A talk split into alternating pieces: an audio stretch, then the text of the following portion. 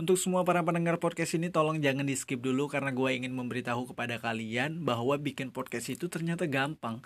Kalian tinggal download Anchor di aplikasi App Store ataupun Play Store dan kalian bisa dapetin di www.vm.anchor. Ntar linknya gue taruh di bio. Kalian bisa bikin podcast semau kalian, caranya gampang banget dan Anchor telah bekerja sama dengan beberapa platform lainnya termasuk Spotify jadi kalian tunggu apa lagi bisa lakuin seperti apa yang gue lakuin.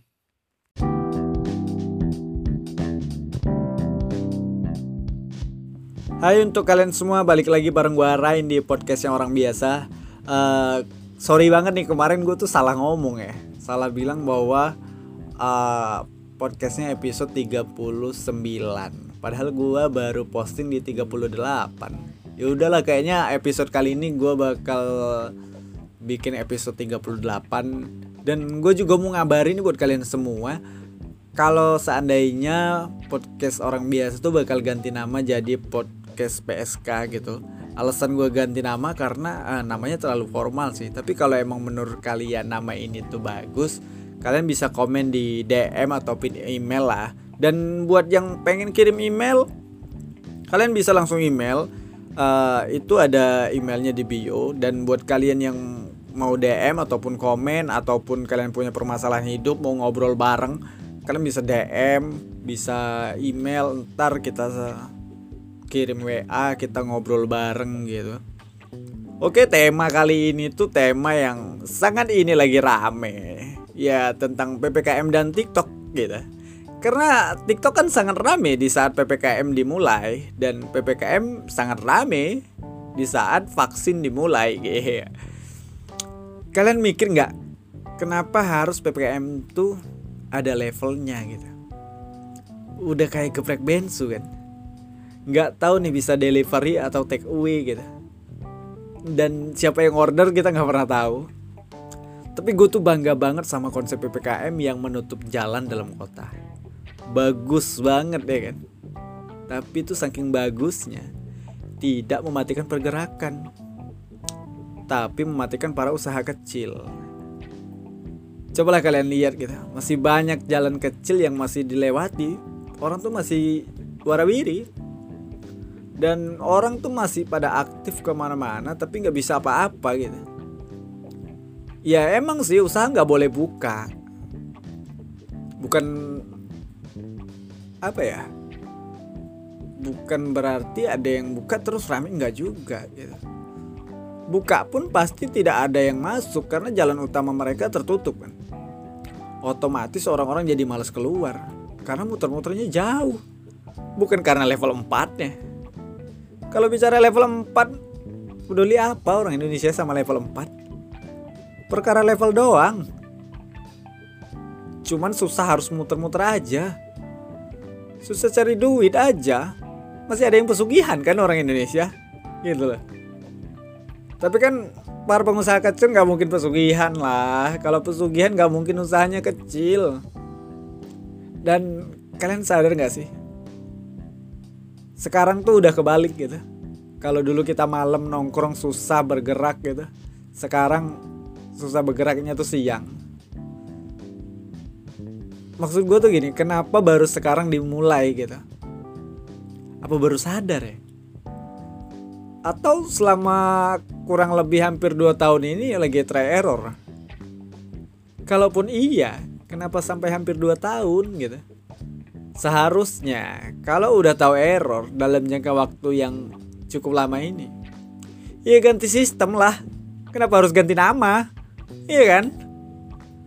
Dan PPKM tuh semakin tinggi levelnya, kita tuh semakin susah gitu. Udah kayak permainan di dalam PlayStation ya kan?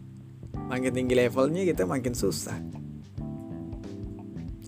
Eh tapi kalau dipikir-pikir kita tuh kayak permainan para elit gitu. Karena ditarik ulur terus nggak pernah diberi kepastian ya kan?